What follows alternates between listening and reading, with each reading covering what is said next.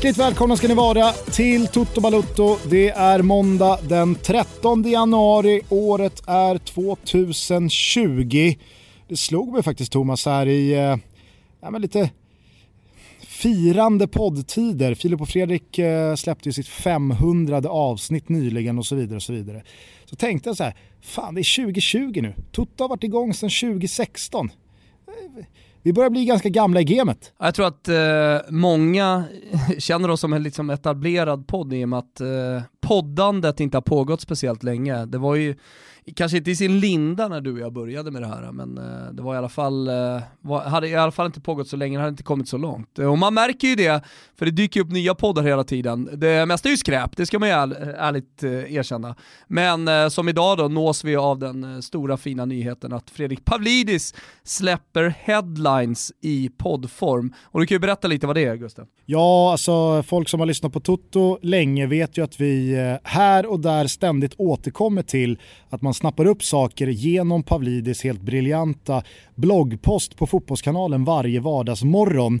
Eh, där han alltså går igenom första sidorna på de stora sporttidningarna runt om i Europa. England och Italien och Frankrike och Spanien och Tyskland och Portugal och sen så brukar han alltid ha ett extra öga för svenska intressen och om det har hänt någonting alldeles exceptionellt i någon annan del av världen så brukar han få med det också. Det är helt otroligt. Han ställer klockan på fyra går upp, skannar hela jävla nätet och sen så får man det paketerat till ett koncentrat vid åtta rycket och det är en Ja, men det, det, det är ett supersätt att inleda morgonen på. Eh, TV4 eller TV4 Play, Fotbollskanalen, Sporten och så vidare försökte ju få till det här i någon slags videoform för ett tag sedan. Det var ju fiasko, det kan vi erkänna. Ja men exakt, och så, så här, jag kan ändå fatta det att morgon, det är rusningstrafik, man ska ta sig till jobbet eller vad nu folk gör. Man kanske inte har två ögon lediga att titta på det, men helt perfekt att Pavlidis som är så sjukt jävla ja, men kunnig, han är behaglig att lyssna på, han är verbal, han har erfarenheten, han har ögat för detaljer, han kan liksom... språk. Han kan verkligen, han, han är ju en gay... Ja, men han är ju en gatekeeper så det bara sjunger om det. Han vet ju vad som är stoff och vad som inte är det. Att han kan breda ut sig audiomässigt i ljudform i en podd och inte bara då författa det här i text. Alltså det, det här kommer bli kanon. Mm. Nej men eh, helt rätt, eh, behaglig röst, skönt att börja dagen när man åker till eh, jobbet. Så att, eh, Headlines hittar ni på uh, podcaster och Spotify inte minst då, där poddar finns. Bara ratta in och så har ni en bra start på dagen. Men eh, det jag bara skulle då liksom landa i, det var bara, bara kul liksom, att vad fan vi är inne på vårt eh, femte kalenderår, 16, 17, 18, 19, 20. Tutto rullar på. Ja, ja verkligen, vi har inte tänkt att sluta heller. Hur mår du då? Mycket bra, mycket bra Gusten. Jag har precis eh, mässat med Mallan på morgonen. Vad tänker du då? Då tänker jag att du eh, har fått en släng av ångestsleven och tänker att nu jävlar ska jag styra upp där. Nej nej nej för fan ingen ångest överhuvudtaget. Jag kan gärna fortsätta med att äta och dricka och fortsätta leva det livet som jag lever. Eh, men eh, däremot så behöver jag nog träna lite och senast vi träffade Mallan, det är nog några som minns, då gjorde vi vasskampen. Det vill säga vi körde i sex veckor stenhårt för att eh, komma i form inför sommaren 2017. Och eh, då var det Mallan som var PT. Nu har hon öppnat egen låda ute i Tullinge och jag bor ju nära Tullinge va. Så att eh, det ska bli mycket trevligt att åka dit och eh, köra crossfit med Mallan. Kul! Mm. Så du frågar hur jag mår Gusten? Jag mår bra, men snart kanske jag kommer bli lite energilös i, i podden. jag längtar tills du tappar i alla fall. Ja, ja men det kommer jag göra. Och du är tillbaka på en, en porchetta och fyra flaskor Barolo ja, det kommer jag, en torsdag. Det kommer jag inte sluta med Augusten. Eh, däremot så är energin på topp också efter en jävla dunderhelg rent eh, fotbollsmässigt. Eh, eh, det har hänt någonting med Serie A såklart och jag tror, eh, alltså jag också påverkas av det allmänna intresset. Man, man märker hur folk pratar och det är Ofta för dig och mig, eh, vi som jobbar i den här branschen, som man får frågor om Premier League och Champions League och de största spelarna, vad händer? Och nu är det transferperioder och då, då pratar man väldigt mycket om det. Men i och med Zlatans inträde så märker jag liksom att intresset har gått upp för hela Serie A, vilket jag tycker är jävligt roligt. Eh, det betyder att eh, min tillvaro liksom uppfylls av italiensk fotboll på ett sätt som det inte har gjort på väldigt, väldigt många år. Så det är det ena, det är bra. Och sen så märkte jag mig i helgen... Du känner dig mer relevant på jorden?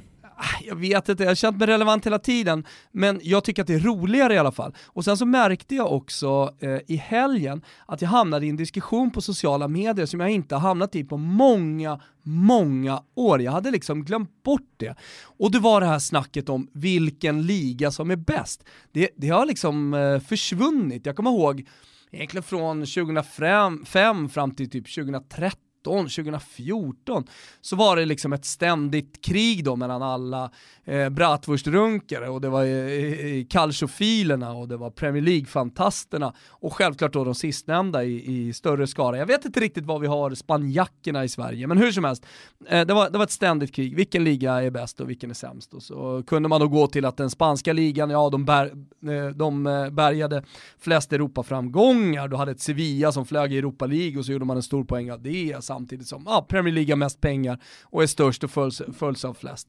Hur som helst, eh, då, var det, då var det någon då på Twitter som skrev till mig att ja, det är väl bara det yttersta beviset på att eh, Serie A är en skitliga, att Lukaku gör mål i den. Och då svarade jag, det, det här, du, det, det, kanske är så att eh, Premier League är mycket bättre än eh, Serie A, förmodligen så är det en, liksom en bättre liga rent kvalitativt.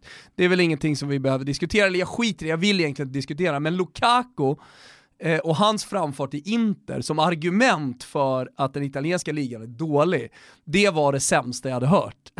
Med tanke på att Lukaku hela tiden har smält in lag i Premier League, hade en sämre period i Manchester United, men såklart, det förstår ju alla på grund av att United var ett lag som inte jobbade för sin nia. Det var en dålig miljö och så kom han i en bättre miljö i, i, i Inter. Eh, det hade varit lättare att dra mm. Lukaku-argumentet om han inte hade levererat i Premier League någon gång. Nu har han ju dessutom levererat i, i klubbar som är betydligt sämre. Så att, ja. Men det gjorde också någonting med mig för att jag kände att blodet började brinna lite i mig och jag började försvara då den italienska ligan igen. Tills jag kom på mig själv och liksom nästan sa högt till mig själv ensam där jag satt och twittrade. Fan, ge dig inte in på det här igen.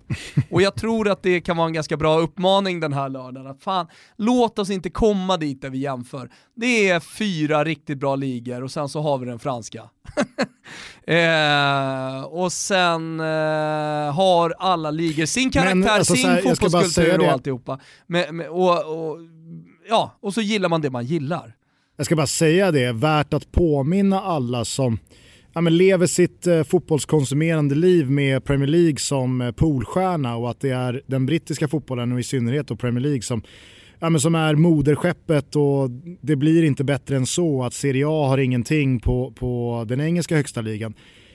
Alltså, säga vad man vill om eh, den här säsongen och att det är ett gruppspel i Champions League och att det handlar om att gå vidare och de gjorde det ändå och de vann gruppen och så vidare och så vidare. Men det enda laget som har slagit Liverpool och då räknar jag bort Aston Villa som slog Liverpools B-lags juniorer den här säsongen det är Napoli. Och Liverpool slog inte Napoli ens hemma. Ett Napoli som där och då var ja, men mer eller mindre i upplösning. Ancelotti fick sparken några veckor senare. Det... De var inne i en period av tio matcher eh, utan seger i ligan och så vidare. Och så vidare. Och jag tror att de återfinns idag på åttonde plats i ligan, nionde plats i ligan. Det är, ett av, alltså det är det enda laget som har slagit överlägsna Liverpool den här tävlingssäsongen. Så att... Ja men precis, och det, det, är ofta där man hamnar också i diskussionen. Det är där man landar. Eh, att eh, Inter inte gick vidare från Champions League, ja men kolla, de, de är i toppen av eh, Serie A. Eh, du börjar jämföra typ det som du säger här nu, men det där har ju med fotbollskultur att göra. Helt plötsligt mötte de ett lag eh, som spelade på ett sätt som kanske eh, liksom inte passade dem. Det, var, det, var, det är ett boogie-team och har ju varit ett boogie-team för, för Liverpool de senaste åren. Så, och, och det är precis det som börjar hända nu, att man, man argumenterar på det där sättet, de slog dem och de slog dem. Det är ju lite som att säga, ja men vi vann med 2-0 eh, mot det laget och ni vann bara med 2-1, ja men då borde vi vinna mot er. Alltså så, här, det, det, det, så funkar det ju inte. Och man kan inte bedöma ligor Nej det är ju den dummaste argumentationen som går att göra. Ja. Men framförallt så går det ju... Jag försökte ju bara, liksom, ja. jag försökte bara jag nyansera fattar. vad italiensk fotboll har att erbjuda kontra ja, engelsk. Ja. Nej, men sen så är det ju det är de olika fotbollskulturerna och det är det som gör att man gillar Premier League eller Serie A eller spanska ligan eller då mot förmodan den franska eller den tyska ligan.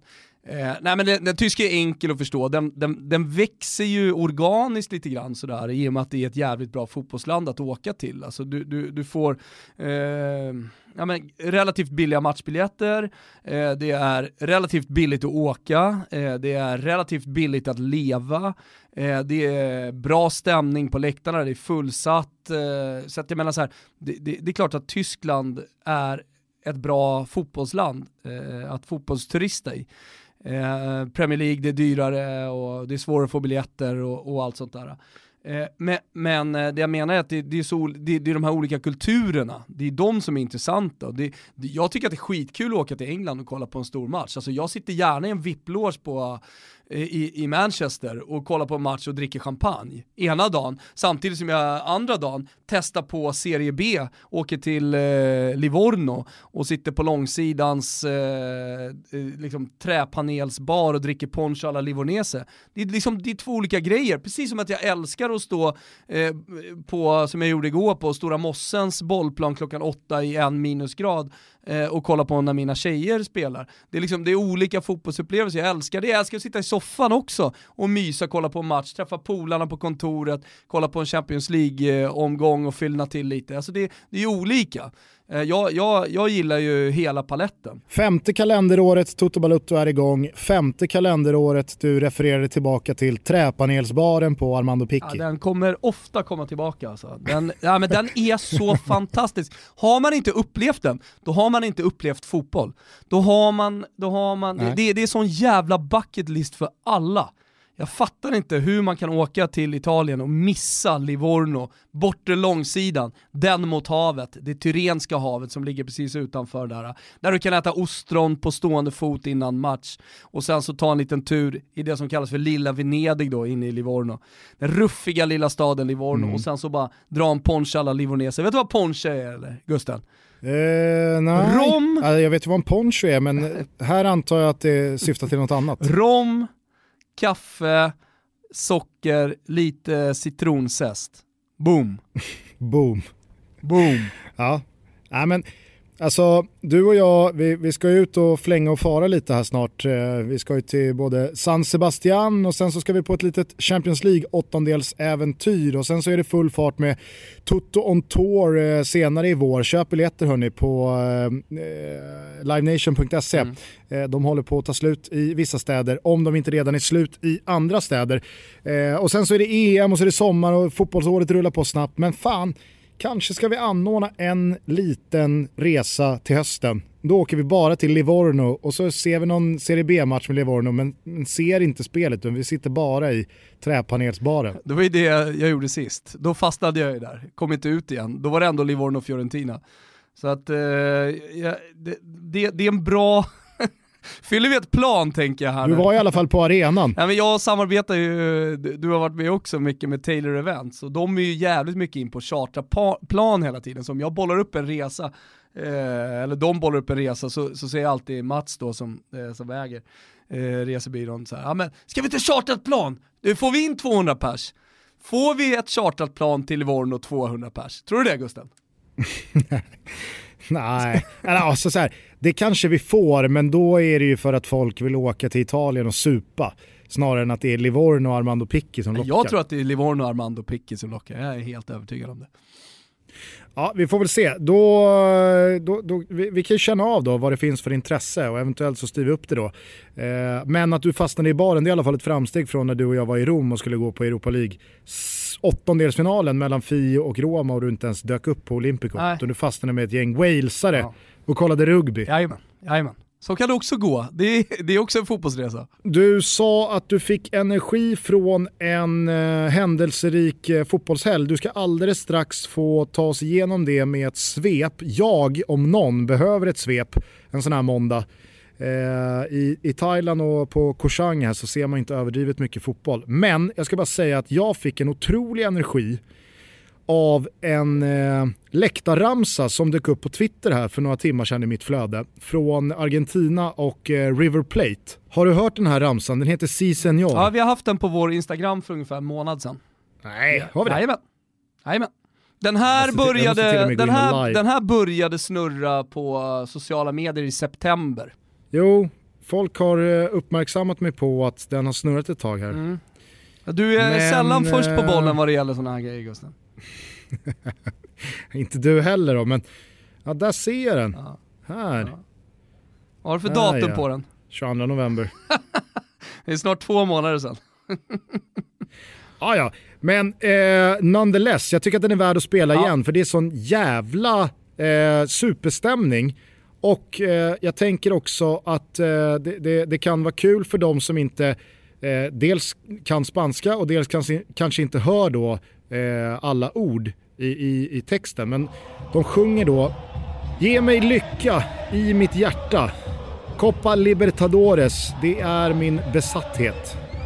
Vi eh, övervann, eller eh, slog ut Beo Horizonte och Asunción och Boca-fansen de tittade på oss eh, via TVn.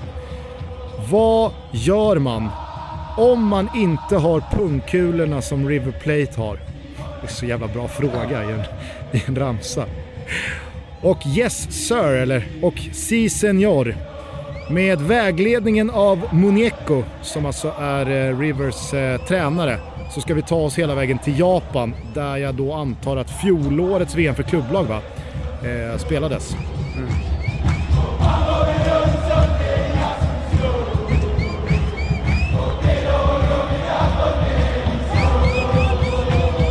Så det här är väl någon, eh, eh, något år gammal ramsa. Jag ska bara säga det här, eh, det är ju alltså eh, för att jag, jag tänkte så här, Muñeco, ja, men det måste väl vara River Plates tränare, men jag tänker inte liksom lufta någon drule och, och hävda att jag har koll på det. Så då kollar man upp det och eh, liksom, jag, jag, blev glad av att då, ja, men det är Marcelo Gallardo, kommer du ihåg den här eh, spelaren? Absolut. Mittfältaren. Ja, ja, För alla oss som är uppvuxna med Championship Manager kring millennieskiftet så kommer vi alla ihåg att eh, Gallardo, eller Gallardo, det brukar ju divideras friskt när det kommer till just argentinska mm. efternamn, hur de ska om det ska vara spanskt eller, italienskt. Eller, eh, han, han tillhörde ju då Monaco, sen så var han tillbaka en sväng i, i, River innan han kom tillbaka till Frankrike och PSG och sen så avslutade han med, med en tredje vända i, i, eh, i River och har eh, tränat laget sedan eh, 2014. Figurerade väl även i det argentinska VM-lag som Sverige slog ut i eh, VM 2002 om jag inte är felinformerad. Men jag blev glad och jag tyckte, eh, alltså så här, ramsan i sig är ju så jävla dunderfet, texten är ju otrolig. Mm. Och, och just den där meningen, vad gör man om man inte har kulorna som River Plate har? Vi är sedan 2019 blev 2020 sponsrade av Randstad och eh, Thomas, det är ju många som kanske sitter där ute och lyssnar på Toto och undrar, vad fan är Randstad? Ja, så kan det ju vara och det är ju faktiskt helt ofattbart med tanke på hur stora de är, hur bra de är och hur mycket hjälp de kan ge en arbetssökande. Exakt, och vi vill att folk tar det här i rätt ordning. Randstad är alltså störst i Sverige inom bemanning och rekrytering. Så, så här initialt i vårt eh, samarbete med Randstad så vill vi etablera det och att våra lyssnare tänker direkt ah, Randstad, det kopplar man till jobb och karriär. Exakt. Nej, men det är väldigt enkelt för jag tror att det är många som lyssnar på den här podden som har eh, större planer, större ambitioner, eh, drömmar om vad man vill jobba med eh, och när man då står inför att söka ett nytt jobb eller man vill kolla runt lite, då ska man ha det i bakhuvudet. Man ska ha det i ryggmärgen. Randstad, det är dit jag ska gå.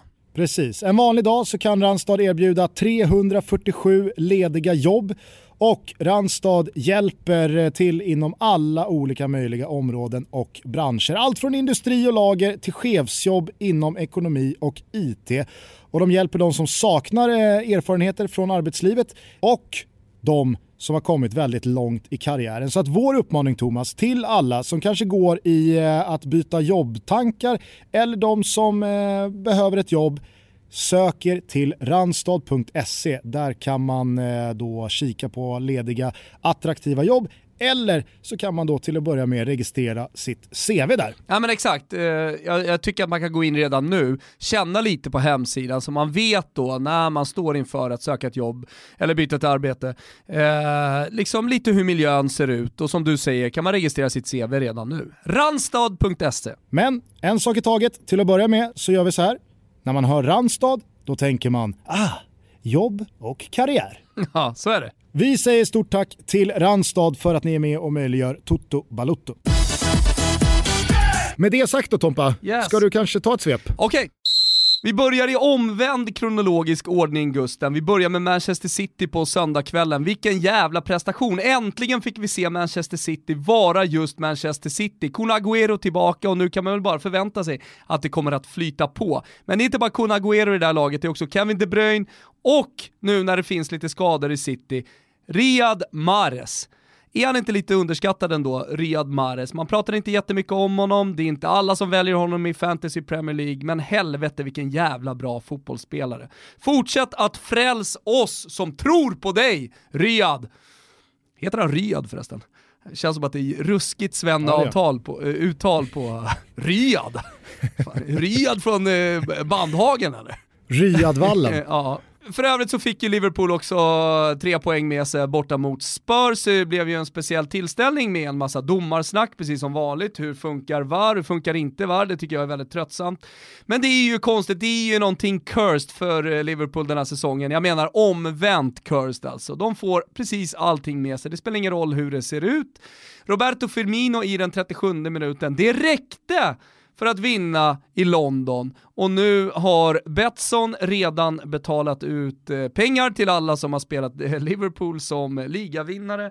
Och det går ju faktiskt inte att stoppa nu. Manchester United då, 4-0, eh, upp, upp ett par placeringar. Rashford två mål, Martial och så Greenwood det är såklart imponerande att de vinner med 4-0 och att de kan visa att de kan slå de här äh, bottenlagen. Det har ju varit Manchester Uniteds akilleshäl under den här säsongen och Solskär har fått utstå en hel del kritik. Eh, nu gjorde man slarvsylta av dem, men Greenwood, han kommer in i 71 minuten, han gör mål med sin vänsterfot och nu jämförs han med, vem då Gugge? Van Persie. Van Persie, mycket riktigt. Han har den där äh, ganska långa, eller det där ganska långa svepande tillslaget. Äh, jag tror att Greenwood kommer bli bättre än vad till exempel Rashford är. Jag tror att äh, Solskär ska fortsätta att spela honom och kanske ännu mer.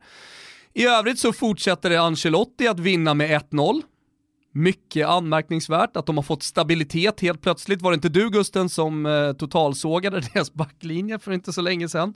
Ja, det funkar med en eh, italienare vid rodret hur som helst. Chelsea vann med 3-0 och Sheffield United fortsätter haka på upp i toppen. Vill du säga något deppigt om Arsenal? Det får du göra sen istället Gusten. 1-1 borta mot Palace hur som helst. Till den italienska fotbollen, eh, vi började redan eh, på lördagen. Och då var det stor show i, och då var det stor show på Sardiniens södra udde när Zlatan Ibrahimovic startade sin första match för Milan. Ingen jätteprestation kanske, men ett steg framåt för laget. Eh, däremot så såg man ju vad som komma skall vad det gäller Zlatan Ibrahimovic. Han var ständigt farlig, han gjorde ett mål på offside, han var hela tiden tillgänglig, han berättade för Leao, som verkar älska honom, som tittade på Zlatan så som Zlatan en gång tittade på den store Ronaldo, den gamle, den äkta Ronaldo. Och det verkar hända någonting där äh, mellan den unge brassen och eh, Zlatan Ibrahimovic. Kanske är det det som kommer föra Milan mot Europapositioner. Hur som helst, ett klassmål och Zlatan är igång hörni. Lazio fortsätter att imponera 1-0 mot Napoli. Deppiga, deppiga Napoli, var ska detta sluta? Nästan så det stinker Serie B om dem. Och sen så den här stora matchen, den sköna matchen mellan Inter och Atalanta. En första halvlek som jag blev i alla fall imponerad av Inter, men sen tog Atalanta över. Fan alltså, jag tänker hela tiden, det är väl nu de ska vika sig. När ska Gasperini eh, liksom eh, kasta in handduken? Aldrig verkar det som. Helvete vad de kör, de säljer stora spelare men lyckas ändå. 1-1 med mer smak, missad straff bland annat. Jag är väldigt glad över att Fiorentina vann sin första match eh, sedan stan brann. Glad också över att Verona lyckas eh, brotta ner eh, Genoa. Eh, Albin Ekdal, Sampdoria, vinner 5-1 över, vem då? Jo, Super Marios Brescia. Larma fortsatt om du lever, jag tror inte på det än så länge. Hur som helst, det avslutades med Roma mot Juventus. Eh, Juventus såg ut att gå mot en säker seger. Roma kom tillbaka, det blev 2-1 och fan jag konstaterar, man tänker på Roma den här säsongen, att det vill sig inte riktigt. De förtjänade återigen mer från en match. Kanske är det positivt då att man kommer få med sig det eh, framöver. Verkligheten har kommit till San Sebastian, eh, nu fick man eh, noll poäng hemma mot Villarreal. Alexander Isak eh, kom in i den 71 minuten, gjorde inget mål och kanske lite frustration trots allt, både för Alexander Isak och för sossarna. Kanske kan du och jag vända på det Gusten när vi åker ner i februari. I den mycket uppmärksammade Supercupen, uppmärksammad för att den går, var då någonstans? Jo, borta i Förenade Arabemiraten. Eh, så slog Real Madrid Atletico Madrid eh, och det verkar som att eh, Zinedine Zidane ändå hittar lite form eh, lagom till att åttondelsfinalerna i Champions League kommer att dra igång och kommer ju dessutom från en 3-0-seger senast i ligan också. Inte så jävla mycket mer från Spanien som har uppehåll. Eh, heller ingenting från Tyskland för det är en liga som inte spelar fotboll i, eh, i januari, Gusten. Därför slutar vi svepet där. Det blir inget mer, det är över, vad fan vill ni veta? Nej men härligt, härligt. Eh, det var ju minsann ett eh, uppmärksammat rött kort som den så uppsnackade och håsade med all rätt tycker jag. Fede Valverde tog för Real Madrid när han eh, ja, men väldigt medvetet bara sparkade bort benen för Morata som var fri i den andra förlängningskvarten här i den här Supercup-finalen. Tog ett rött kort, Real höll ut till straffar, Courtois spikade igen och Zinedine Zidane tog alltså sin nionde titel och finalseger på nio försök sen han blev Real Madrid-tränare. Vad tycker du om jag menar så här, detaljen i att Valverde tar ett brutalt rött kort för att undvika målet där? Kan du, alltså, är du en sån som bara ser det, det, det liksom givna och självklara i det? Eller tycker du att så här, ah, det där smakar ändå lite surt i munnen? Nej jag tycker inte det, alltså, vi håller på med fotboll, det är resultat eh, och det handlar om att vinna och då Alltså man ska skilja mellan typ eh, Roy Keens röda på Håland, den äldre kanske man ska säga då. Eh, och, och, den pengakåte. Ja exakt. alltså, det har ju varit lite snack om eh, röda kort nu den här helgen. vi har Aubameyangs till exempel. Eh, vi hade Robertson var i Liverpool som, eh, som hoppade in ganska vårdslös i, i en situation också. Alltså så medvetet skada, nu tror inte jag Aubameyang gick in för en medvetet skada, det gjorde däremot Roy Keane. Alltså i det här fallet så, så tycker jag faktiskt att det är okej. Okay. Alltså här handlar det om att stoppa ett mål, då, då gör, man vad man, eh, eh, gör man vad man kan, eh, hindra dem. Hade jag varit tränare för det här laget så hade jag blivit glad. Nej men jag tycker också att det, alltså så här, det fanns ju väldigt många förmildrande omständigheter här. Jag, jag, läste till exempel då att Valverde hade gått in till Atletico Madrids omklädningsrum efter matchen och bett om ursäkt till både laget och till Morata som man då sparkar ner. Eh, jag, jag, tycker också att man ser att det är liksom det är ingen överdriven våldsam satsning utan det är bara han tar höjd för att jag måste sparka ner honom för det är enda sättet att undvika ett avslut och högst troligt ett avgörande mål. Jag vet att jag kommer få rött kort men det är så det, är så det ser ut nu och jag, jag, behöver göra det för det är vår bästa chans att vinna. Det är som när Suarez tar med handen, kommer du ihåg, i VM 2010 mm. eh, mot Ghana mm. på mållinjen. Allt skiter sig för Ghana! Det är ju liksom så här, han försöker inte dölja det, han försöker liksom inte mörka det utan han vet att jag behöver rädda den här bollen med handen. Jag kommer få rött kort för det, men då har vi i alla fall en god chans att vinna på straffar. Där spelar det ingen roll om man är 11 eller 10 man. Det är fortfarande fem straffar vi ska slå. Så att jag, ah, jag vet inte, jag, jag, är, jag, är, jag är med dig här. Jag tycker att det är, liksom, det är 100% kosher att Valverde tar ett sånt där kort. Ja men eh, alltså du kan ju jämföra det med eh, till exempel eh, ja, med gula kort som man tar, alltså taktiska gula kort, det sker ju hela tiden. I det här fallet så var det ju en uppdaterad version liksom av det taktiska gula. Nu blev det rött istället. Eh, det är ju flera gånger jo, man har sett... Jo men det är ändå en saftig spark. Ja, det är ändå en saftig kapning. Ja, det, är, det är mycket våld menar du? Så att han uh, riskerar att skada Det är liksom spelaren. inte att du stannar en kontring med en tröjdragning nej, i mittcirkeln. Nej, det är nej, ju liksom... Nej. Men så är det. Ja, det, det, blev inte mål. Okej då, torskade i alla fall. Är det schnitzel till Valverde? Ja det är fan schnitzel till Valverde. Hörru du, på tal om Valverde, eh, du har hängt med i turerna kring Barcelona va? Definitivt, och att Xavi är på väg eh, att ta över och nu har ju Xavi pratat också. Själv sagt att det vore en dröm att träna Barcelona, så eh, det, det, det är väl en... Men också, mm. men också Pochettino. Absolut, alltså, och han, det är klart att... Nu är det ju väldigt eh, initierade källor som eh, verifierar att det är långt gångna diskussioner med Pochettino från Barca-håll också. Ja, och det är, det är helt rätt väg att gå. Om man vill hitta tillbaka till liksom, sin storhetstid, nu har ju Barcelona varit jävligt bra hela tiden och det är man ju för att man har så fantastiska spelare och det är inga dåliga tränare som sitter där, men om man ska komma tillbaka till att vara lite sådär dominerande, då ska man nog kolla på antingen en Xavi-person, eh, om man nu tror på honom, man kan ju ingenting om honom för man har inte sett honom coacha, Eh, eller då det mer etablerade Pochettino-kortet. Eh, Pochettino har tagit eh, Spurs till en eh, Champions League-final. Vad fan borde han inte kunna göra med materialet som Barcelona kan ge honom? Eh, dessutom liksom en tränare som spelar en fotboll som jag tror skulle passa väldigt bra, dels för katalanerna och Barcelona-supporterna, eh, men också liksom så som klubben tänker och den vägen man vill gå i framtiden. Pochettino det, det, det ultimata valet och eh, Xavi då nostalgivalet. Om de inte kan växeldra på något sätt, att man kan hitta eh, en lösning när båda, båda de två är, är tillsammans. Det kanske skulle kunna bli en liksom, perfect match. Ja, jag vet fan, alltså jag är lite kluven. Jag har legat och funderat på det här ganska mycket senaste dygnet. Det, det blir ju så när man, inte, när man inte kollar speciellt många matcher, då, då har man mer tid att tänka på ja, men, olika situationer med klubbar, ledare, spelare, eh, övergångar och så vidare. Alltså man, man, man kan, jag, jag, har legat i solstolen och funderat så här, fan, när jag tänker på Barca så känner jag så här, vad, vad, vad har de egentligen, vad har de egentligen uträttat senaste åren? Alltså sen den här gyllene generationen stod i Zenit och då tänker jag Messi, Xavi, Iniesta, Busquets, Piqué. Puyol. Eh, Puyol, Eh, eh, Eh, eh, exakt, han, han är väl lite tidigare. Han, han, han, han var ju den som droppade av först av, av de här. Men jag kan, jag, kan, jag, kan, jag kan ändå känna efter att ha liksom så här vridit och vänt på det här i min, e i min egen skalle här senaste dygnet att fan kanske har ändå Messi sminkat över det som borde varit jävligt mycket mer för Barca. De borde ha nått så jävla mycket större framgångar. De borde vara i en så mycket bättre position andra halvan av säsongen 1920. De borde ha så mycket mer självklar framtid framför sig än vad de har. Nu kan jag ändå känna så här, fan, de är i en position där huvudtränaren, han är mer eller mindre dead man walking.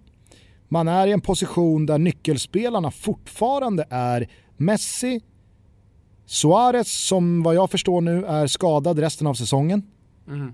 Eh, han är out. Det är Busquets och det är eh, Piqué. Alla 80-talister, alla spelare som, okej okay, nu har Messi överbevisat mig 10 000 gånger vad gäller brintid så att där kanske man ska lugna sig. Men alla andra är ju en ålder där det måste börja klinga av snart för det är, bara, det, det är så det funkar. Och när man då tittar på ersättare till Xavi och Iniesta så hette det att, ja men okej, Artur, är det, är, är det nya Xavi? Det, han har tagit över. Fast så ser man till den här säsongen och man är väldigt skeptisk. Iniesta, ja, man har försökt med Coutinho, det blev inte bra med Dembélé, Neymar lämnade. Eh, Griezmann har inte hittat rätt om vi ser till någon längre period. Nu, nu är inte jag den som dömer ut honom. Han kanske hittar helt rätt här nu, i synnerhet om, om Suarez är out och Griezmann får spela lite mer centralt och blir en, en eh, större förgrundsfigur i offensiven eh, i en sån position. Det vet inte jag, men jag, jag tycker ändå det är lite så här, det är anmärkningsvärt att man pratar om Barcelona som att ja, men ta bort Ter Stegen och Messi. Jag vet att jag själv gjorde det för ett tag sedan i podden här att ja men kan man inte få ha världens bästa målvakt och världens bästa fotbollsspelare och laget får bedömas utifrån det? Eller ska man vikta det mot att ja, men man är så jävla beroende av dem och det är mycket finare att man som ja, men till exempel eh, Liverpool eller till exempel eh, Bayern München eller Juventus eller de typerna av laget att det finns inte riktigt en spelare som är eh, mycket, mycket viktigare än alla andra. Juventus gick till Champions League-finalen då, oavsett vem som var skadad eller avstängd. Och Bayern München har vunnit Bundesliga eller tagit sig långt i Champions League utan att ha haft den här utpräglade jättestjärnan som är på en nivå över alla andra och så vidare. och så vidare. Men jag vet inte, jag, alltså, så här, jag, jag har legat och tänkt på att fan, håller Barca på att liksom tappa bort sig själva? Ska man ta Xavi i någon slags romantisk tanke om att det funkade med Guardiola en gång i tiden och ta en gammal lagkapten, härförare, mittfältare som kan Barca through and through. Och det funkade jävligt bra. Eller riskerar man att sätta Xavi med en spelartrupp som både är ålderstigen och som ska ta det första steget och de första stegen utan Lionel Messi, vad det nu lider. Och är då det helt rätt att ge den rollen och det mandatet till en oerfaren tränare som Xavi som har varit vadå, tränare i, eh, i arabvärlden i ett år, lite knappt. Jag vet inte, jag, jag tycker att det känns, eh, känns lite skakigt alltså. Ja, men framförallt tycker jag det här är ett tecken på, återigen om man ska ta det breda perspektivet eh, i, i fotbollsvärlden, det spelar ingen roll hur mycket pengar du har och eh, vilken tradition du har, vilken kultur du har i klubben, eh, vilka strategier du har och eh, hur jävla bra sportchefer och hur man bygger fram, eh, inför framtiden. Så är det här ett, eh, ett bevis på hur svårt det är att generationsväxla, speciellt när du har haft en, en som du inleder eh, det här med, alltså en gyllene generation med fotbollsspelare som är oersättliga, fotbollsspelare som går till historien. Vi, vi pratar mer eller mindre om legender, alla de här spelarna. Och att ersätta dem, eh, ja, men, speciellt när det är många som slutar, det går inte och det, det är också väldigt dyrt det är extremt kostsamt innan man hittar de spelarna som faktiskt eh, kan bli vinnande i, i, i slutändan. Och, men, men, men jag tror också att så här, ibland, ibland måste man också liksom lämna en eh, generation eh, fotbollsspelare, alltså ett lag, eh, en era och låta den eran få vara vad det har varit eh, och inte jämföra med det som är nu. Det blir, det blir väldigt lätt att eh, jämföra med vad Ferguson gjorde under hans tid. Liksom. Men, men, man ska också komma ihåg att Fergusons tid var också slut. Alltså visst, han höll det ju bra hela vägen liksom, till att han faktiskt eh, avgick. Men hade han fortsatt så hade det nog inte sett ut som det gjorde på 90-talet. Eh, Eh, och det, det, det, är liksom, det, kolla på Wenger, ja han gjorde det fantastiskt ett tag, men han var tvungen att lämna, det var tvungen att hända någonting nytt. Och då blir det ett, eh, ett sportsligt stålbad under, under en tid. Och det är, väl, det är väl det Barcelona håller på med. Skillnaden mellan dem och många andra storklubbar som har försökt ta sig ur då en era och liksom skapa en ny, det är väl att de ändå har lyckats eh, ganska smärtfritt i och med att man har fått behålla vissa av de här nyckelspelarna. Eh, I och med att Messi har fortsatt att leverera. Eh, däremot, alltså det, det Barcelona gör rätt är att man fortsätter att spendera. För att, för att det går inte, du kan inte hitta liksom, de nya legenderna för att skapa en ny era eh, bara genom scouting eller att vara smart, utan du måste även spendera de där enorma pengarna. Och det, det är väl det liksom, till exempel Arsenal har missat och eh, många av de italienska lagen liksom har gått bet på. Eh, det, det, det är liksom inte gratis. Eh, det är snarare det jag tänker på när jag, när jag, när jag ser Barcelona. Det, det, går inte att gå ifrån så fantastiska fotbollsspelare och som dessutom hamnade under samma epok, under samma tid. Det är helt sjukt liksom att Xavi, Messi, Iniesta, eh, Puyol, de spelarna lirade under, under, under eh, liksom samma, eh, samma decennium.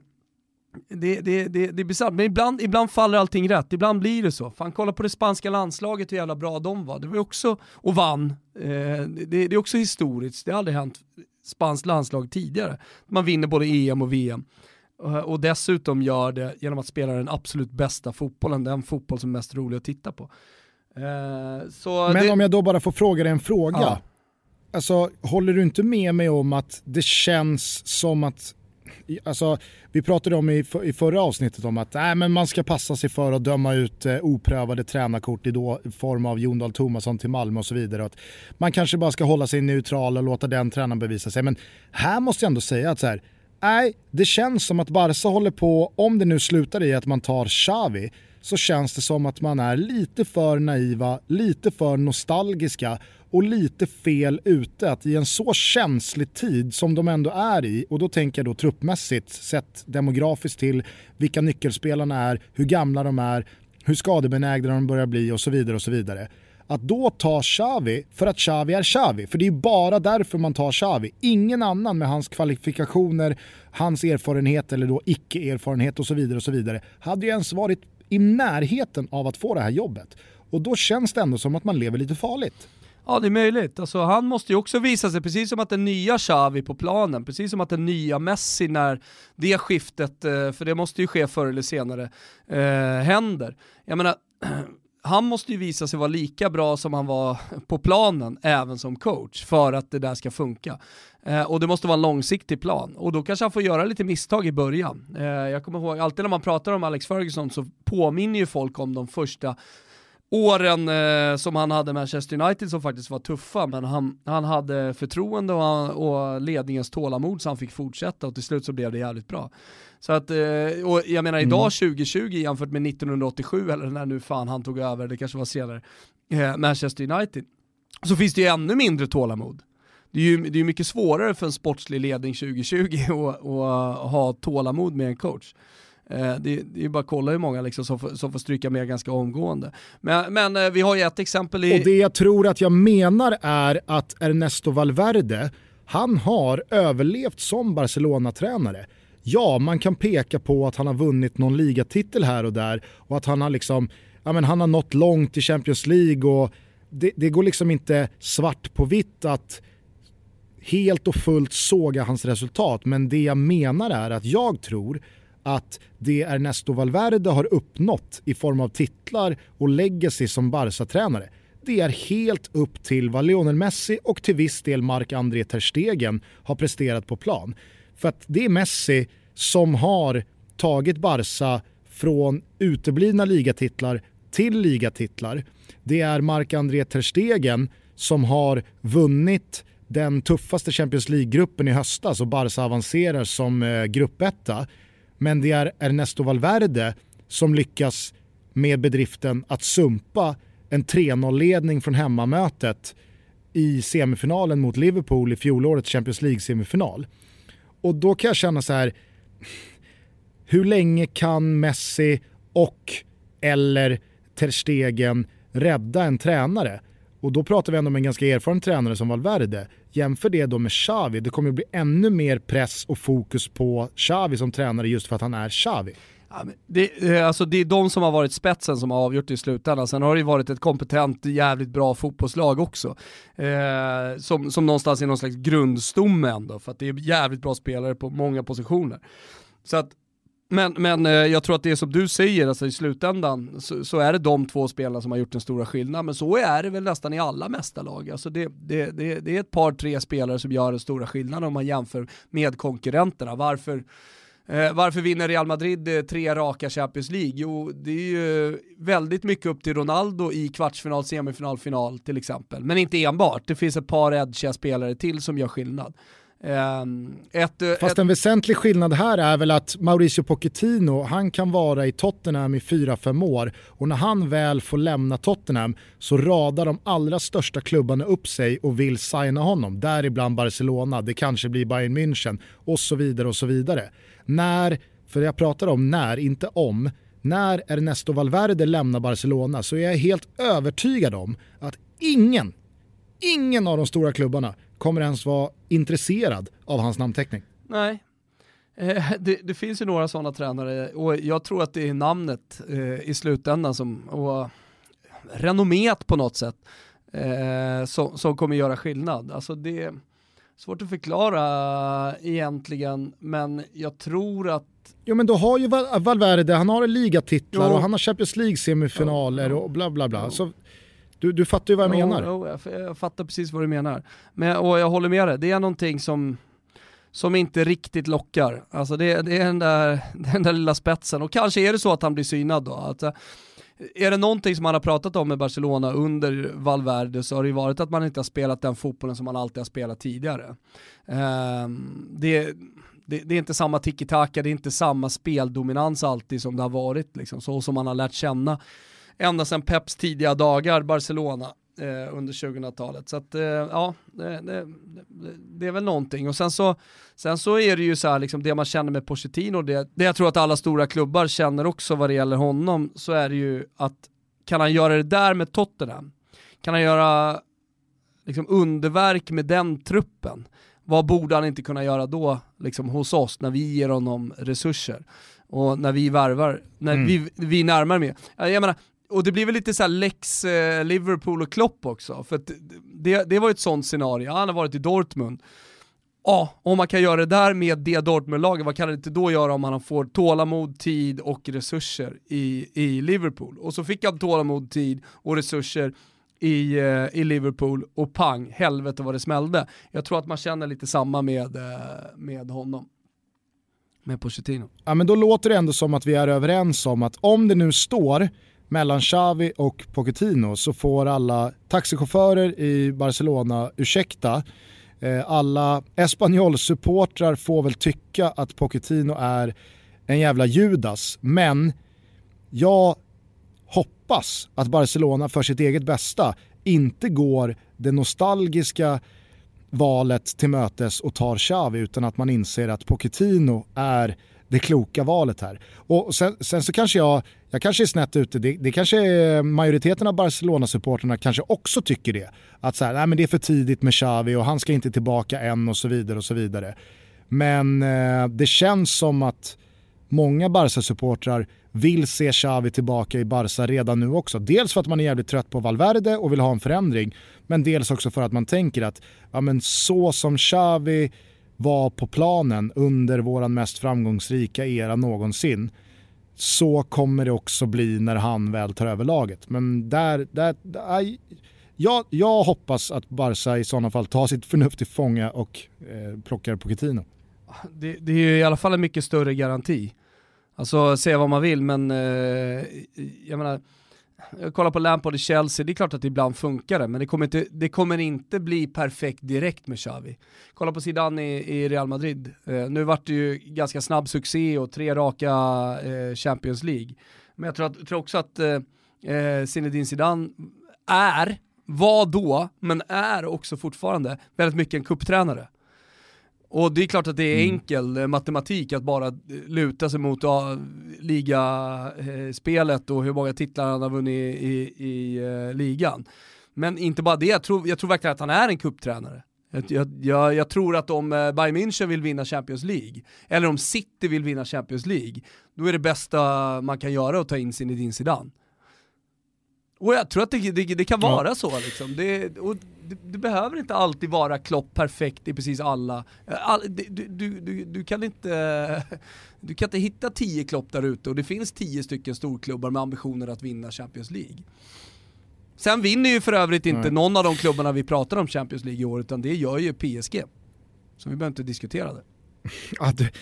Har, du, har du hoppat ner i min båt? Alltså är det din båt? Jag har ju ändå suttit och guppat i PSG-båten hela säsongen. Det vet du ju, det vet lyssnarna också. Nej, men alltså PSG-båten har ju varit Tompas i, vad är det, i fem år snart va? Det var ju redan under Zlatan-tiden som man, som man eh, basunerade ut att här, nu blir Champions League-titel, helvete vad bra det ser ut. Det börjar, börjar lukta lite blåvitt för ett år sedan här om ditt surr nu. Ja, men blåvitt. Jag har sagt det hela tiden. Finns Poja och Blåvitt i SM-guld. Ja, Topp tre. Ja, men, eh, alltså, eh, det finns ju svart på vitt nu. Jag har kollat igenom WhatsApp-grupper här eh, och där, där vi har tippat. Det finns svart på vitt. Göteborg sexa tippade jag dem inför den här säsongen, eller förra säsongen blir det ju.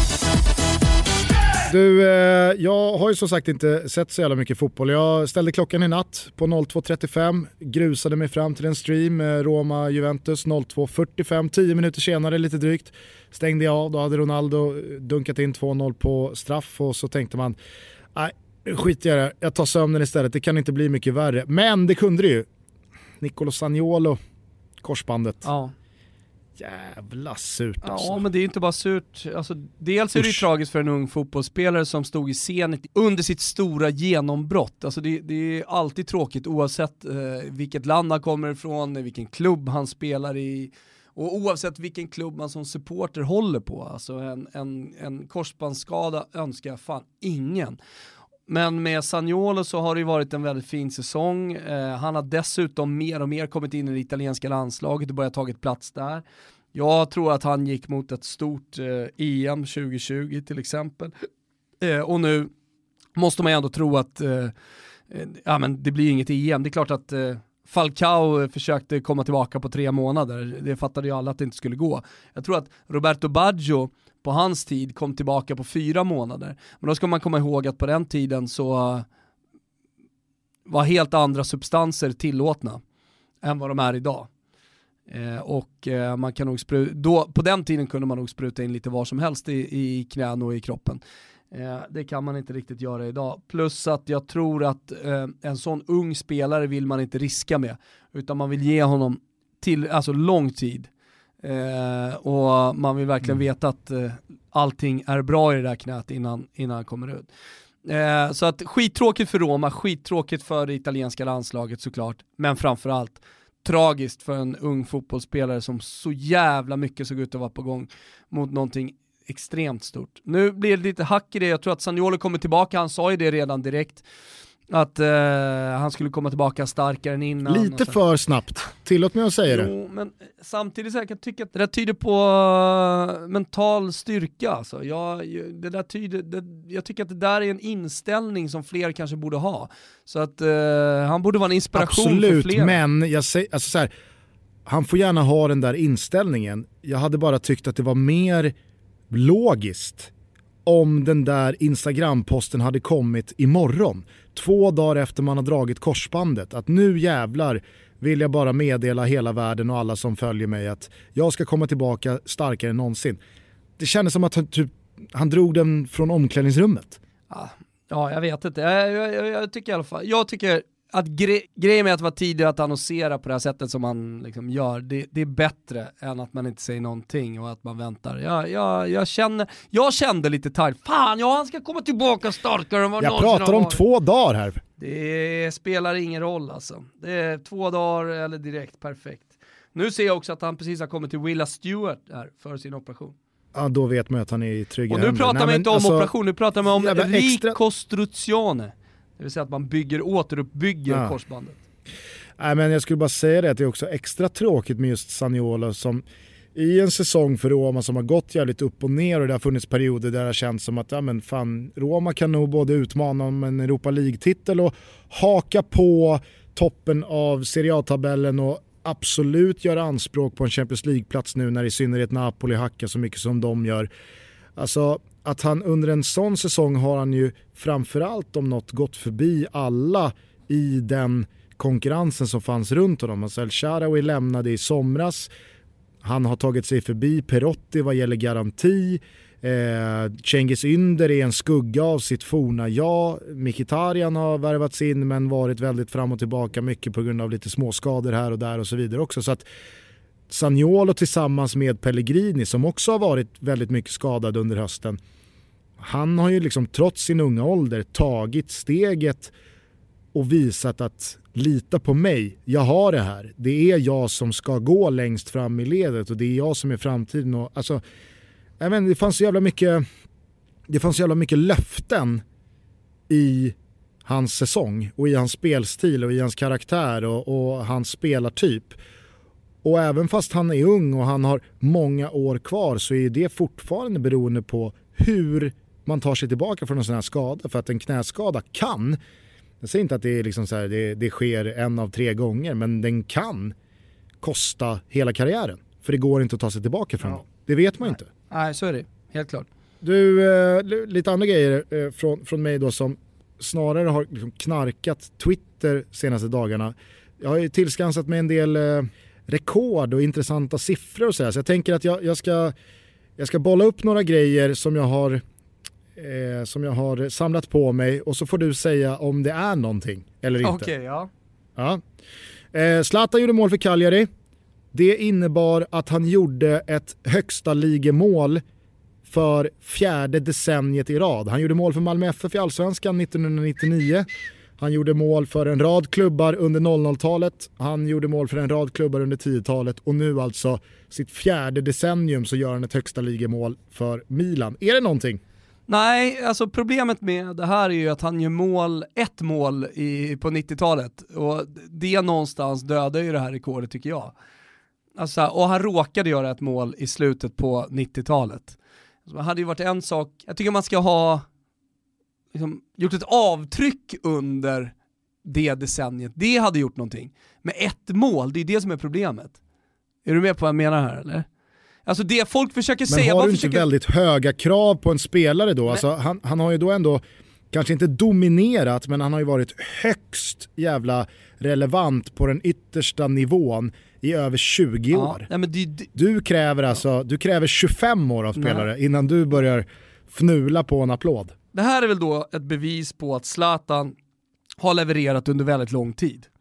Det är ju det vi pratar om här. Vad är det här rekordet? Vad säger det här Ja. rekordet?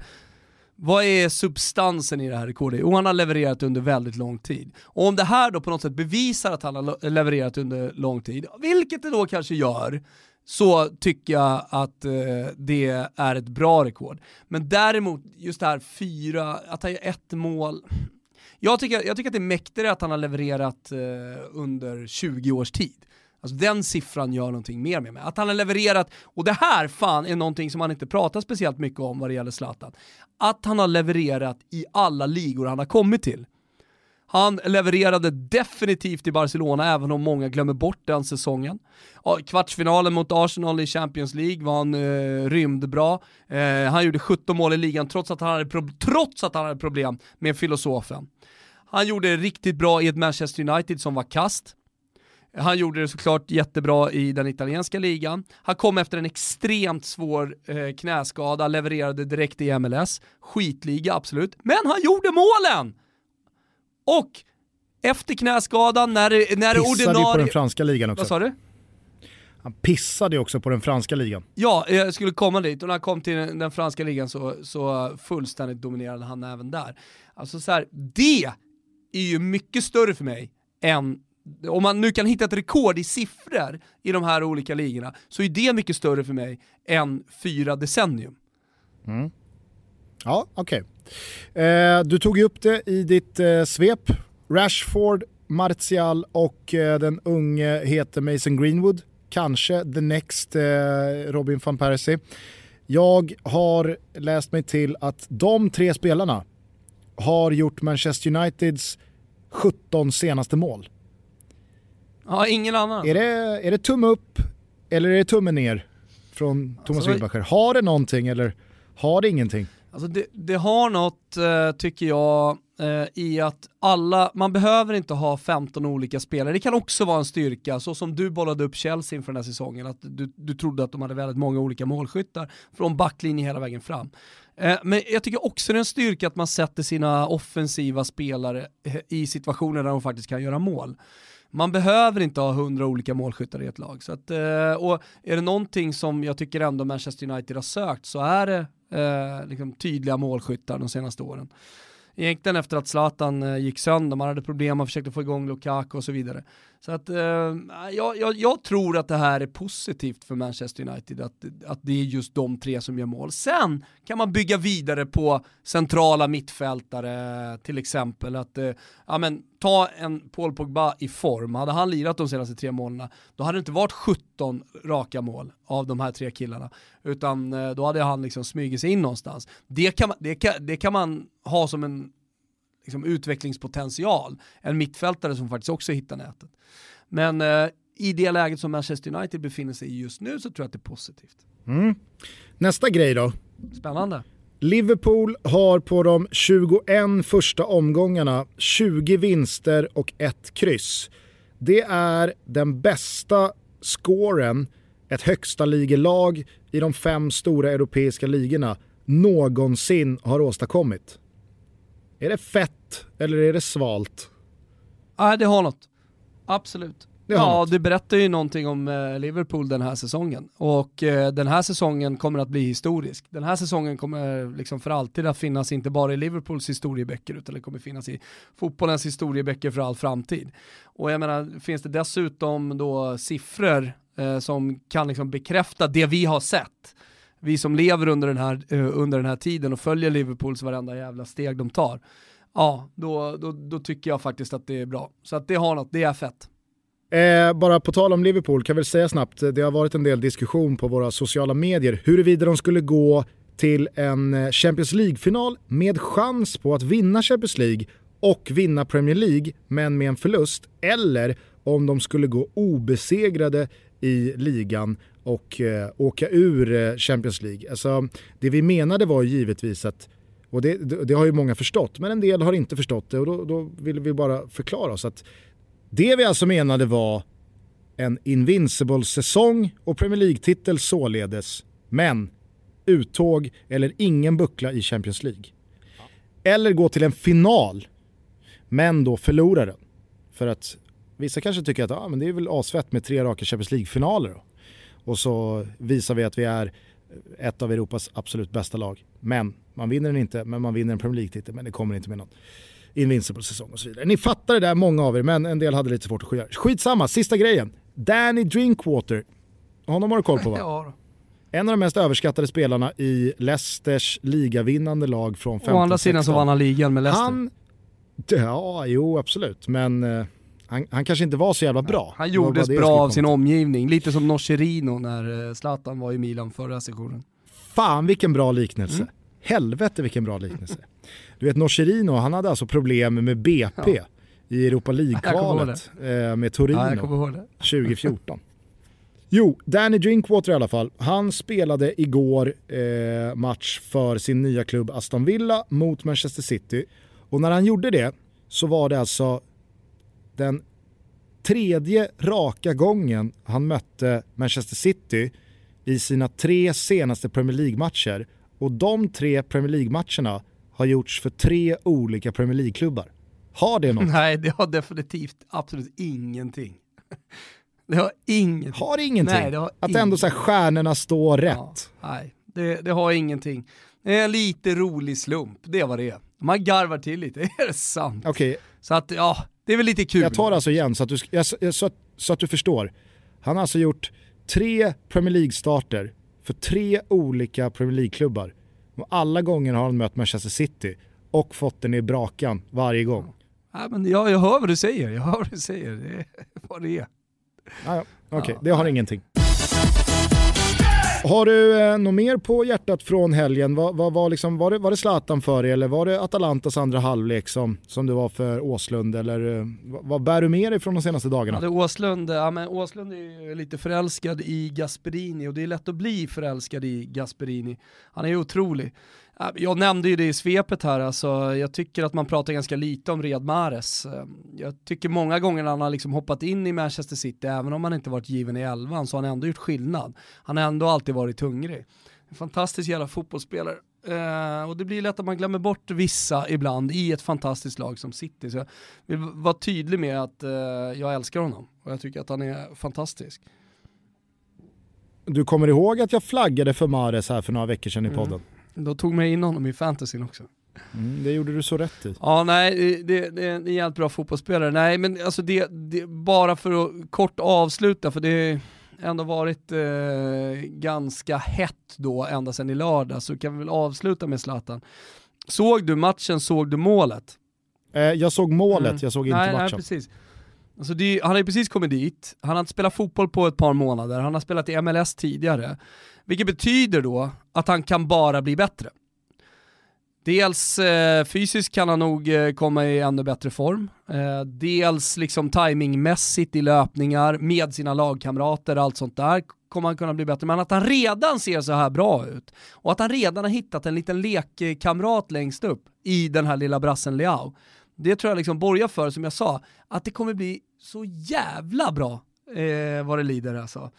Eh, och nu har det ju, och det var dit jag skulle komma, nu har det ju liksom redan då från journalisters håll, men inte bara, även eh, generellt sett i liksom fotbollsvärlden, på Twitter, sociala medier, börjar pratas om Zlatan till EM. Och du kommer ihåg att vi pratade om det med Erik Niva, han trodde absolut inte man, det här skulle bli en grej överhuvudtaget.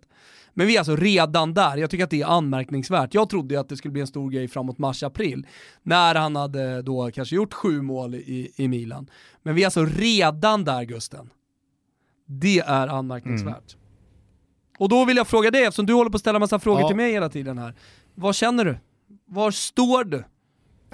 Det jag känner framförallt, är det gruppdynamiken? först och främst här, det är att det här pratade du om i BB-podd som du gästade för några dagar sedan och jag lyssnade på det här avsnittet i morse faktiskt. Och då, då tyckte jag att du sa när du pratade om Poya Asbaghi, alltså eh, Göteborgs tränare, att du sa Poja bojar för att, ja, men att det, liksom så här, man är på rätt väg och så, och så tänkte jag så här, sa han att han bojar och så tänkte jag, ah, men han måste ha sagt fel för att han sa poja och så missade han r i borgar. Så det blev liksom poja bojar. Men nu sa du det nyss igen. Och jag tyckte fan, det lät som att du sa bojar igen. Kim kanske kan spola tillbaka och spela upp vad du sa och sen spela upp hur det lät i BB-podd om du sa bojar eller inte. Det var bara det jag först tänkte på. Det tror jag liksom borgar för som jag sa. Men det tycker jag poja bojar jävligt mycket för också.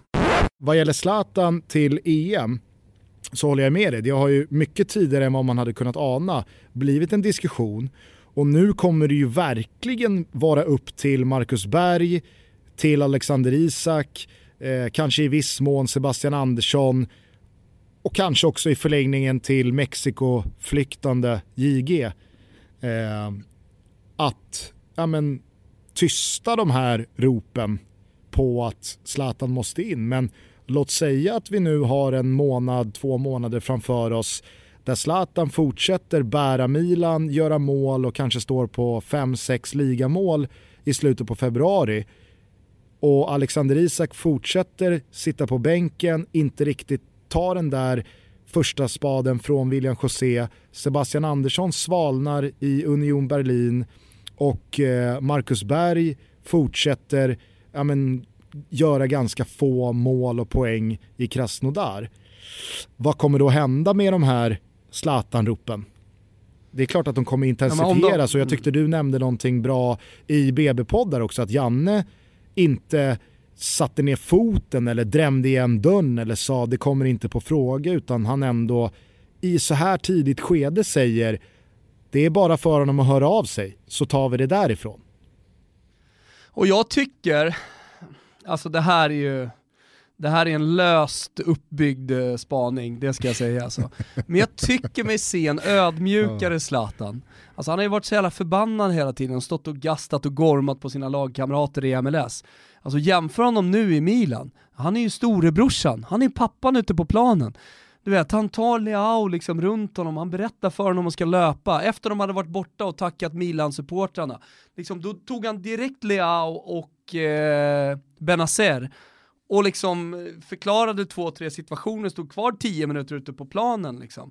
Det här ska vi göra, det här ska vi göra, tänk på det här. Istället för att liksom bara gnälla, gå av och vara, vara irriterad. Det, det, är en ödmjukare Zlatan, och med en ödmjukare Zlatan i större harmoni, vilket han kommer vara också i Milano mm. eftersom han trivs att vara i Italien, trivs i kulturen, känner sig hemma. Alltså det gör också någonting med honom. Allt räknas här Gusten. Och då menar jag inte i poäng och i mål, mm. utan allt räknas. Som Johan eh, Bergström en gång sa, allt räknas, vad du gör på fritiden, vad du äter, hur du mår eh, med din familj och dina vänner. Det kommer också påverka ditt jobb och i det här fallet då Zlatans prestationer på planen. Alltså så här, en ödmjuk, harmonisk Zlatan som får allting att funka, som får Milan att liksom komma tillbaka på det vinnande spåret igen. Det kommer också vara en Zlatan som har närmare till att lyfta på den där telefonen och säga, vet du vad Janne? Jag hade fan fel det jag sa förut. Jag ber om ursäkt för det. Men nu, viktigare saker. Jag vill till EM. Jag tror att jag kan bidra med någonting. Ska ja. vi inte ta det här steget? Ska vi inte göra det här Janne? Vad fan Janne! Tillsammans ska vi ta EM-guld! Tror du inte att det är en Zlatan som liksom ändå är på väg ditåt? Vet, vet, du, vad han, vet du vad han egentligen säger till Janne? Nej. Men du Janne, Sebastian Andersson, är det inte honom vi offrar va? ja, kanske är det det. JG kan åka med alltså, han behövs. Det, alltså, jag gillar JG, JG alltid gillar mig. Alltså. Ja. Seb, det är könlöst. Det är väl Sebastian vi offrar va? Med det sagt, inte så att Toto Balutto vill att Sebastian Andersson ska, ska offras, utan nu säger vi vad vi tror att Zlatan Absolut säger. Inte. Jag gillar Sebbis. Jag håller med dig och jag tycker att det, det, det finns mycket i det där, men jag vill bara poängtera, och det tror jag att du också håller med om, jag har ju betydligt lättare att se en Zlatan mjukna i nacken och vara ödmjuk och kanske ja men, ta nästa steg eh, mognadsmässigt eller personlighetsmässigt i Milan och i ett sånt anrik och historiskt och stort sammanhang där Zlatan fortfarande är, han är inte förbi Grenoli eller Maldini eller van Basten eller eh, ja, men de allra största det, det, är liksom, det här är på en global nivå där Zlatan vet att okej, okay, jag är tillbaka i Milan, men nu, nu är det upp till mig att visa att jag, jag förtjänar den här chansen trots att jag är 38 och så vidare. och så vidare. Jag har jävligt svårt att se att Zlatan på samma sätt skulle liksom inta samma ödmjuka position när det handlar om svensk landslagsfotboll och Sverige. Där tror jag ändå hans självbild är att hej, jag bestämmer. Det tror inte jag. Jag tror att det är två olika sammanhang för Zlatan. Det är definitivt två olika sammanhang, men jag tror ändå att han kan komma in i den där truppen och alltså vilja allas bästa. Alltså uh, utnyttja sin erfarenhet och sina ledaregenskaper och alltihopa och få alla att, uh, att liksom prestera max, precis som han håller på med i Milan nu. Varför skulle det vara någon skillnad? Han kommer ju in liksom till en spelare alla ser upp till. Liksom, vet du vad som vore så jävla mäktigt? Nej, men det är om vi liksom så går igenom den här våren och det blir som du tror och Zlatan kryper till korset och lyfter luren och försonas med Janne och ja, men liksom, Janne går ut och säger att Nej, men Zlatan har gjort sig tillgänglig igen och det, det, är klart att det är superintressant och så kommer han med och han tas ut i truppen och bla bla bla och sen pang! Spanien i premiären, Zlatan bänken. och Janne tittar inte ens på honom. Ja, då kan det bli lite kaos alltså. det vore så jävla mäktigt. Ja, det, det, skulle, det skulle vara lite rörigt där tror jag eh, i ett sånt läge. Han kommer ju såklart med för att mm. spela, men då ska han, han kommer inte sitta på bänken. Men det är en rolig hypotes. Hörru du, det är dags för oss att eh, avsluta. Vi vill påminna alla om att Zlatans fortsatta framfart i Milan och Serie A, det ser man på Simor. Där får man allting från Serie A, man får dessutom all action från Spanien och La Liga. Jajamensan, jag kommer ju bänka mig för allt. Nu har ju det där, eh, den där brinnande passionen eh, återuppväckts i mig för den italienska fotbollen, så att det blir ett stort fokus där såklart. Men det spiller ju över också på den spanska fotbollen till exempel. Så det blir mycket fotboll via Simor framöver och det tycker jag att många ska haka på. Jag såg också att du på Twitter gick ut och hyllade den nya kommentatorskonstellationen Jesper Husfeldt och Mattias Concha. Ja, jag tycker faktiskt att de har hittat varandra jävligt bra där nere i Marbella. Eh, och eh, jag tycker att det funkar. Sätt ljudet lite bättre bara så, så, så är det där dunder alltså. Eh, jag tycker det är skitkul. Eh, och Concha var ju lite borträknad från media. Eh, han jobbade ju tillsammans med oss eh, tidigare, men eh, nu har han liksom tagits tillbaka in i värmen igen och ju fler matcher de gör tillsammans, nu helgen tyckte jag var jätte, jättebra gjort. Eh, så eh, är det på väg att bli ett av de vassaste kommentatorsparen faktiskt. En, en, av mina favoriter, jag tycker de gör det ruskigt bra. Sen är ju Husfeldt liksom också på nyttfödd. Mm. Eh, han har ju upplevt en renässans, helt klart, nu med den italienska ligan. Jobbar hårdare märker man också än, än vad han har gjort tidigare med all information och sånt där. Så att, ja, riktigt bra. Och sen så har vi ju, fan får inte glömma, jag måste bara säga det, Svanen och Vicky, de har ju också satt sig som ett kommentatorspar som fan är grymt. Eh, och så Marcelo och, mm. och eh, Kvigol och, och Pinitor. Så det är, det är en kommentatorsuppsättning som är, som är otroligt bra. Mycket, mycket bra. Teckna ett abonnemang på simor.se så får ni alltså Serie A och La Liga och PGA-touren för alla oss yes! golfälskare. Surt som fan för våran Toto-trippel här i helgen. Jamie Vardy fick ett mål bortvarat. Det var det enda som stod emellan oss och degen. Ah. Men vi ger oss inte. Vi eh, hoppar upp på hästen eh, i helgen igen. Så att eh, haka på det vi gör tillsammans med våra vänner på Betsson så missar ni ingenting. Kom nu ihåg att spela ansvarsfullt och att du måste vara över 18 år för att spela. Behöver du stöd så finns stödlinjen.se. Mer om helgens Toto-trippel i nästa avsnitt Thomas. Som vi gör tillsammans igen i studion på Kungstensgatan i Stockholm. Jag åker nämligen hem från Thailand här i övermorgon lite ömsom vin, ömsom vatten kring det. Det ska bli skönt att komma hem igen och krama mm. om dig eh, och sätta tänderna i en ny termin. Mm. Men samtidigt så är det jävligt nice att vara här och det är 35 grader varmt och ölen är kall och billig. Och, ja, kom hem, kom alltså. hem Gusten så ska jag bjuda med dig ut till Tullinge så ska vi hälsa på Mallan tillsammans och så kör vi ett jävla monsterpass. jävla mardröm alltså. Ja, jag ser fram emot det. Hörni, ta hand om varandra så hörs vi snart igen. Eh, ciao tutti! Ciao tutti!